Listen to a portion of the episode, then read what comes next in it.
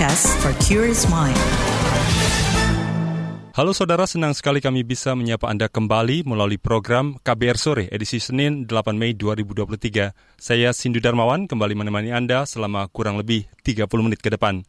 Sore ini kita akan membahas mengenai pengusutan dugaan transaksi janggal hingga 349 triliun rupiah di Kementerian Keuangan. Untuk mengusut kasus itu, Menteri Koordinator Bidang Politik, Hukum, dan Keamanan Menko Polhukam Mahfud MD telah membentuk Satgas Tindak Pidana Pencucian Uang TPPU. Satgas ini akan menyupervisi penanganan kasus oleh aparat penegak hukum. Kasus-kasus jumbo ditargetkan masuk ke meja hijau. Lantas, efektifkah pembentukan Satgas tersebut? Dan apa tantangan yang kemungkinan akan dihadapi? Selengkapnya kita bahas di KBR Sore.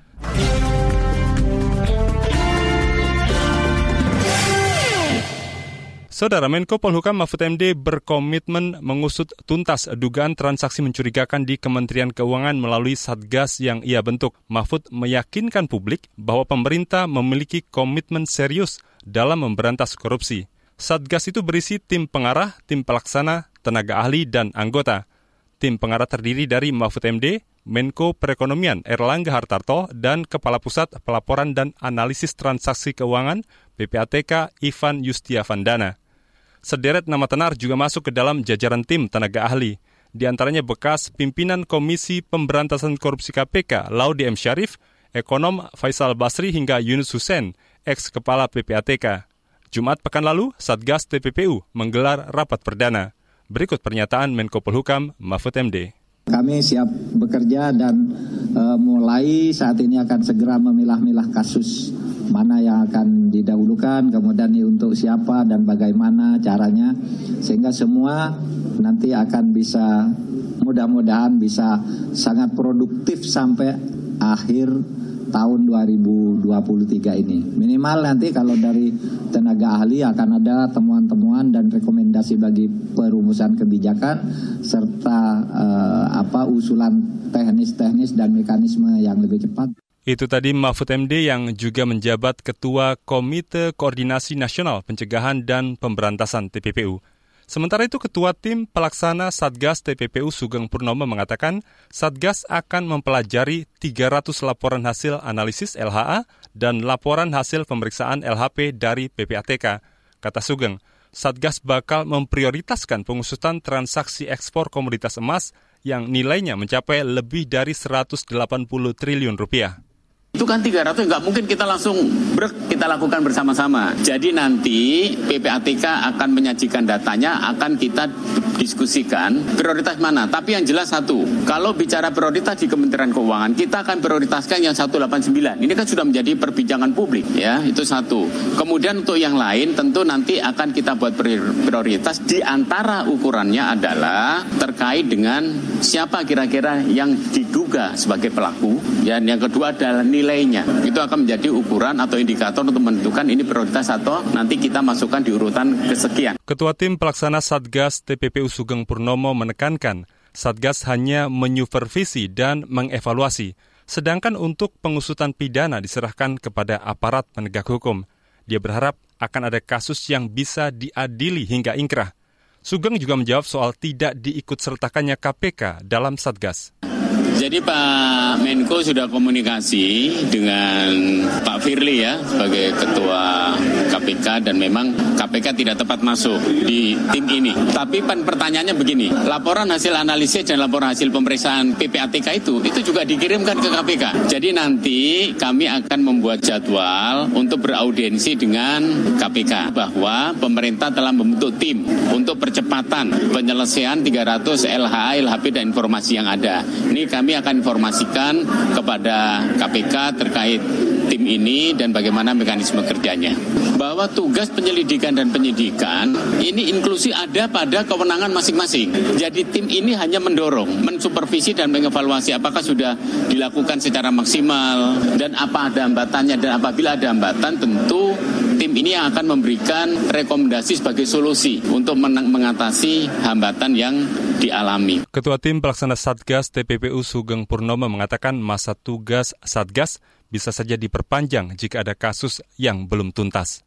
Dan di dalam keputusan ini memang kita diberikan target hanya sampai Desember 2023. Tapi tidak menutup kemungkinan apabila perlu ada pertimbangan lain nanti kita lihat. Apabila misalnya belum seluruhnya tuntas tentu saya selaku ketua Satgas pelaksananya akan meminta pertimbangan pada pengarah untuk memperpanjang. Tapi harapan saya bisa maksimal sampai Desember 2023 bisa maksimal untuk kita selesaikan. Itu tadi Ketua Tim Pelaksana Satgas TPPU Sugeng Purnomo. Saudara, polemik transaksi mencurigakan di Kementerian Keuangan telah mencuat sejak Maret. Menko Polhukam Mahfud MD merupakan orang pertama yang mengungkapnya ke publik. Isu ini sempat memanas kala Menteri Keuangan Sri Mulyani memberi respons berbeda. Bagaimana perjalanan kasus ini hingga menjadi sorotan Presiden Jokowi? Selengkapnya akan dibahas di laporan khas KBR dengan judul Likaliku Temuan Transaksi Mencurigakan. Tetaplah di KBR Sore. You're listening to KBR Pride, podcast for curious mind. Enjoy!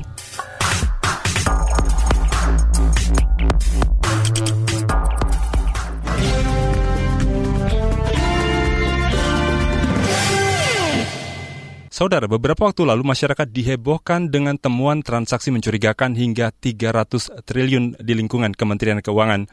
Sejumlah pihak mendorong kasus ini ditindaklanjuti dan dijadikan momentum untuk menindak tuntas dugaan pencucian uang hasil korupsi, terutama di kalangan pejabat.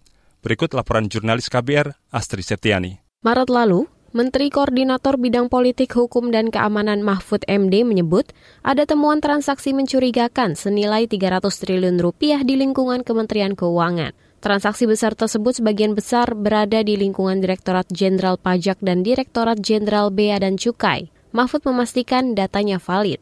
Saya sudah dapat laporan yang pagi tadi terbaru malah ada pergerakan mencurigakan sebesar 300 T di lingkungan Kementerian Keuangan yang sebagian besar ada di Direktorat Jenderal Pajak dan Bea Cukai. Itu yang hari ini.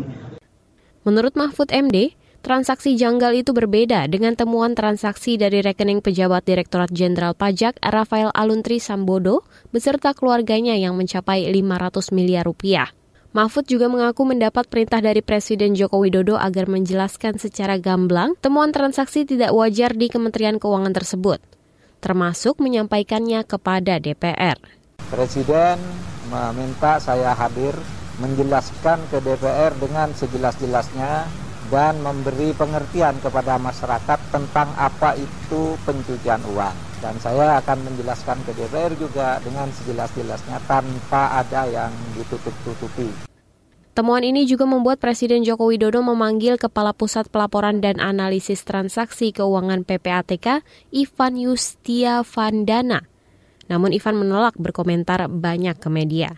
Isu transaksi mencurigakan ini sempat memunculkan perdebatan karena diduga ada data yang berbeda antara data dari Mahfud MD dengan data milik Menteri Keuangan Sri Mulyani.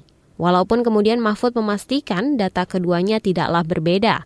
Mahfud mengatakan Data keduanya adalah data agregat, bukan data mutlak, dengan total nilai transaksi sebesar 349 triliun rupiah. Data agregat tersebut merupakan laporan hasil analisis atau LHA PPATK dari 2009 hingga 2023. Hanya saja, kedua data tersebut disajikan dengan cara yang berbeda. Sementara itu Menteri Keuangan Sri Mulyani mengklaim transaksi sekitar 340 triliun rupiah yang dilaporkan PPATK banyak yang tidak berkaitan dengan kementeriannya. Sri Mulyani menjelaskan, transaksi ratusan triliun itu sebelumnya diserahkan PPATK melalui 300 surat kepada Kemenkyu. Nah, jadi 253 triliun adalah sebetulnya transaksi dari korporasi, 74 triliun ada surat PPATK ke APH. Sehingga yang benar-benar berhubungan dengan kami terkait dengan kalau ini menyangkut tupoksi ke pegawai Kementerian Keuangan, ada 135 surat. Nilainya 22 triliun. Bahkan 22 triliun ini 18,7 triliun itu juga menyangkut transaksi korporasi yang nggak ada hubungan dengan Kementerian Keuangan. Jadi yang benar-benar nanti berhubungan dengan dengan pegawai Kementerian Keuangan itu 3,3 triliun. Anggota Komisi DPR RI bidang hukum, Taufik Basari, mendorong PPATK bisa menindaklanjuti temuan transaksi mencurigakan tersebut. Ia juga meminta ada penindakan hukum kepada pihak terkait jika terbukti ditemukan unsur pidana.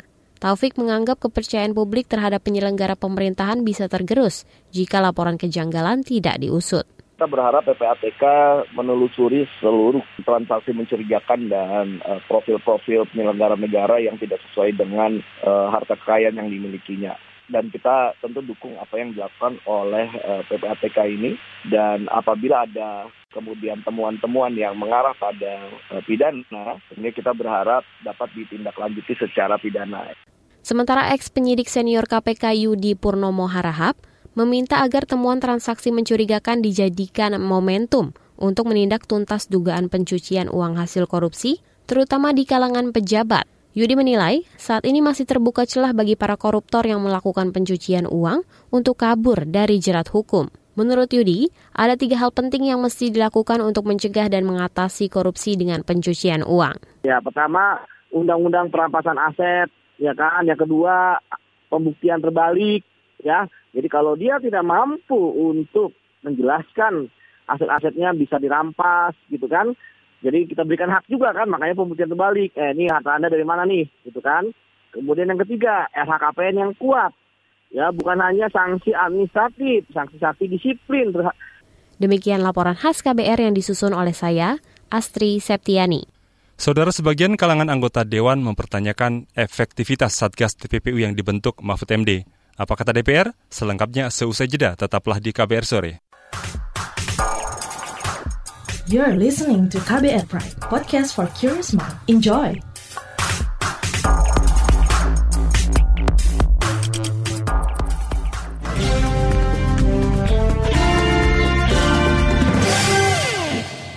Kita kembali ke KBR sore. Saudara, efektivitas Satgas TPPU dipertanyakan sebagian kalangan anggota DPR.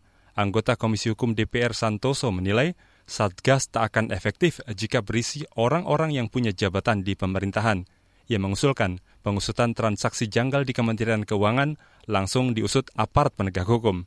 Selengkapnya kita simak perbincangan jurnalis KBR Hoirunisa dengan anggota Komisi Hukum DPR Santoso. Bagaimana pandangan Anda tentang pembentukan Satgas TPPU? Oh, menurut saya yang pertama, buat apa sih dibentuk lembaga baru yang nantinya akan menghabiskan anggaran? Dan kalau orangnya juga yang menjabat adalah ex officio, misalnya orang KPK masuk ke situ, kepolisian masuk ke situ, jaksa agung masuk ke situ. Ya buat apa mau bajir? Dia tidak akan kerja maksimal. Itu yang pertama. Yang kedua, kalau mau dibentuk ini dari kapan? Karena APBN itu kan slotnya sudah ada buat ini, buat ini, buat itu. Terus dia kan nggak ada nomenklatur anggaran buat Satgas TPPU. Jadi menurut saya nggak bisa juga tahun ini dibentuk kecuali tahun depan. Tapi menurut saya juga lebih baik optimalkan lembaga penegak hukum yang sudah ada saja. Nggak perlu itu TPPU segala macam Satgasnya itu gitu loh. Apa ada masukan untuk Satgas TPPU untuk bekerja lebih efektif? Oh, yang pertama kalau memang harus tetap dibentuk, jangan Satgas itu ya berasal dari aparat penegak hukum yang sekarang. Kecuali dia keluar seperti KPK. KPK kan yang dari polisi keluar kan gitu kan. Kejaksaan keluar ya. Harus. Jadi independensinya itu jelas.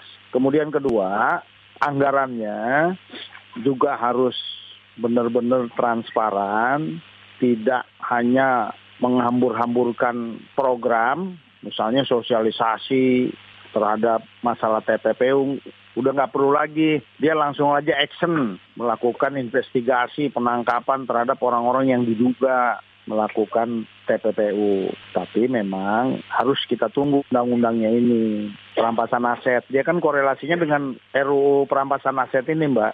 Ya, kalau DPR mendorong, kenapa? Karena yang takut ini bukan DPR, DPR itu cuma 575 RUU perampasan aset yang takut ini ya para pejabat penyelenggara negara mulai dari presiden sampai lurah sampai tingkat bawah. Di situ nanti akan terbongkar semua orang-orang yang memiliki kekayaan di luar dari penghasilannya. Jadi kalau DPR sangat mendukung ini untuk percepatan e, pengesahan RUU perampasan aset dengan catatan tim ini harus benar-benar bekerja secara optimal sehingga terbongkar siapa sebenarnya yang melakukan uh, korupsi secara masif dan sistematis. Saya pastikan itu adalah penyelenggara negara.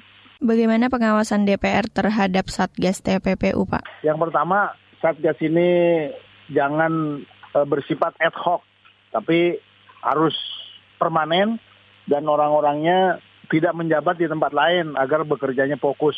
Kemudian programnya langsung dalam hal uh, aksi pencegahan dan pemberantasan TPPU. Tidak perlu lagi ada sosialisasi karena masyarakat sudah mengerti sebenarnya korupsi, penyalahgunaan jabatan dalam rangka uh, memperkaya diri itu kan sebenarnya tidak dibenarkan oleh semua produk undang-undang yang ada di Indonesia. Sehingga pekerjaan Satgas ini orientasinya adalah melakukan pemberantasan secara masif. Itu yang penting, Mbak.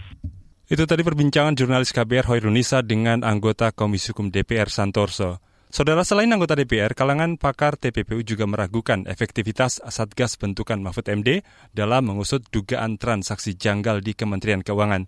Pembentukan Satgas ini malah disebut sebagai pemborosan uang negara.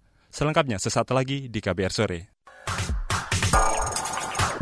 You're listening to KBR Pride, podcast for curious mind. Enjoy!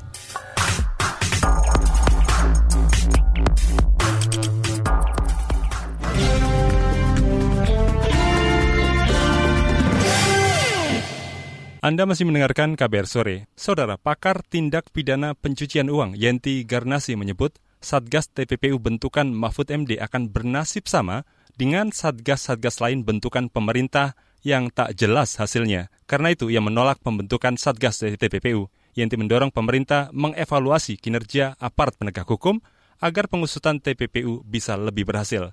Selengkapnya kita simak wawancara jurnalis KBR Astri Yuwanasari bersama pakar TPPU Yenti Garnasi. Uh, kan ini Satgas nanti kan waktunya tujuh bulan gitu. Nah dengan waktu tujuh bulan ini bagaimana seharusnya uh, Satgas ini bekerja? Gitu? Kira-kira bisa menyelesaikan semua laporan gitu Bu? gimana ya ngomongnya saya karena pertama saya itu kan nggak setuju dengan satgas ya satu gitu ya jadi I don't know how to say to you ya kalau saya sih bicaranya adalah uh, kalau saya dengar dari Pak Mahfud mereka supervisi saja biasanya yang mensupervisi penegakan hukum itu harus lewat undang-undang seperti seperti undang-undang KPK ya. Dalam hal misalnya ada kasus di KPK yang diserahkan kepada kepolisian misalnya dilimpahkan istilahnya dilimpahkan ke kepolisian maka KPK mempunyai tugas mensupervisi gitu ya. Jadi KPK intervensi dalam hal supervisi tapi itu menentukan undang-undang. Karena penegakan hukum ini para penegak hukum itu melakukan tugasnya tupoksinya itu dasarnya undang-undang ya. Nah kita jangan dibiasakan undang-undang langsung di shortcut oleh peraturan menteri apa peraturan menteri ya nah itu kan repot ini kayak seperti itu itu antara lain sih gitu ya Nah, kalau ditanya apakah 8 bulan until Desember cukup? Ya, nggak tahu saya ya kan. Karena ini kan lama eh, banyak sekali. Uh, eh, 2009 sampai dengan itu baru satu kasus. Baru baru satu kasus yang dicurigai terindikasi kejahatan dan kejahatan ekonomi dan TPPU dari satu kementerian.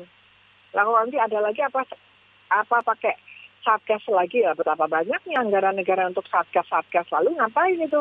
Penegak hukum tidak bisa menyelesaikan. Kan gitu. Kalau saya merasa ada masalah dengan apa? Penegak hukum yang mana sehingga nggak jalan? Yang nggak jalan itu ya periksa gitu ganti dari penegak hukum lain. Kalau saya dulu pikiran saya menghadapi ini adalah penguatan penegak hukum. Misalnya kita tambahkan tambahkan penyidiknya yang lebih banyak yang lebih berkualitas memperkuat itu tapi tetap di jalur sistem peradilan pidana. Uh, sebenarnya tuh kalau kita lihat ya uh, hambatan untuk pengungkapan kasus TPPU itu sebenarnya apa aja sih Bu? Hambatannya political will, nggak mau kok kelihatannya, memang melindungi kelihatannya. Itu yang dibaca oleh masyarakat, yang dibaca ya, yang dibaca. Ya sekarang tinggal kita negara, pemerintah, dan penegakan hukum harus menyajikan sesuatu yang bisa dibaca baik sesuai dengan fakta yang baik, gitu kan? Mm-hmm. Harusnya kan gitu. Mm-hmm. Jadi dulu saya bertanya, selama ini komite TPPU ngapain sampai 2009 sampai sekarang nggak ada apa-apanya ya kan hmm. bukan ada masalah terus malah bikin satgas ya nggak ya kan? Kan ada komite TPPU hmm. lalu ngapain komite TPPU hmm. nah itu. Uh, dilihat dong sebetulnya kan harusnya itu dievaluasi dulu komitenya. Apa kurang kegiatannya komite apa? Bukan terus kalau komite nggak udah ada komite tugas fungsinya apa? Jalan apa tidak? Kalau nggak jalan ya bubarkan. Itu bukannya terus nanti baru bentuk bukannya komite tetap ada bentuk juga ada. Terlalu banyak terlalu banyak anggaran yang untuk uh, bentuk-bentuk ini dengan hasilnya so, sorry sorry itu ya that uh, banyak sekali satgas-satgas yang kita nggak jelas hasilnya apa. Nah ini harus dievaluasi juga. Jadi ya harusnya anggaran negara ya jangan di apa jangan diporoskan untuk yang harusnya tidak penting gitu. Ya jadi uh, apa hambat apa hambatannya? Kalau saya lihatnya sebetulnya nggak ada hambatan. Misalnya ini ya harusnya kan sudah jelas bahwa ini ada pelanggaran tindak pidana pajak dan karena ngalir maka ada TPPU-nya uh, kalau melihat susunannya gitu Bu, apa dari Satgas itu sendiri? Nah ini kan uh, bagaimana gitu uh, agar itu tidak tidak konflik of gitu. interest ya? Iya betul. ya kan sejak awal masyarakat bilang itu, tapi saya nggak mau ikut ikut ngomong kan. Kalau saya ikut ngomong dikiranya dikiranya saya kepengen jadi, saya juga nggak mau. Kalau misalnya pun ditawarin, karena saya tetap prinsip saya ini adalah masalah ini adalah masalah penegakan hukum apalagi seperti ini mau ngapain gitu loh kan belum belum masyarakat sebelum belum belum belum dilantik pun masyarakat dari itu aduh kalau isinya itu itu lagi percuma aja gitu kan ya. Mereka curiga kan masyarakat kan. Ini kan gini masalah di Indonesia masalah korupsi turun. Korupsi itu ya ini tuh ada morally trap ya. Apa uh, tabiat-tabiat buruk untuk berkorupsi itu kan yang indikasinya kayak cenderung korupsi itu kan adalah memang orang-orang yang beruang orang-orang yang power yang ya, pejabat-pejabat baik eksekutif, legislatif dan yudikatif gitu kan yang membuat eh, Indonesia turun eh, IPK-nya adalah karena ada konflik of interest. Hmm. Itu yang menjadi penilaian oleh Transparansi Internasional. Melihat bahwa ada kecenderungan konflik of interest dalam hal menangani masalah-masalah pembangunan yang ternyata kemudian kemudian berdampak pada tingginya angka korupsi kan gitu. Nah ini nanti kan akan begitu juga penilaiannya ya ngapain ada gini konflik of interest gitu ya. Ya saya saya ya ya mudah-mudahan mereka bisa membuktikan bahwa uh, bahwa dengan susunan seperti itu tidak ada konflik of interest gitu aja kan. Saudara itu tadi wawancara jurnalis KBR Astri Yuwanasari bersama pakar TPPU Yenti Garnasi. Informasi tadi menutup jumpa kita di KBR Sore edisi Senin 8 Mei 2023. Pantau selalu informasi terbaru melalui situs kbr.id, Twitter kami di akun @beritaKBR, serta podcast di alamat kbrprime.id. Saya Sindu Darmawan bersama tim yang bertugas undur diri. Salam.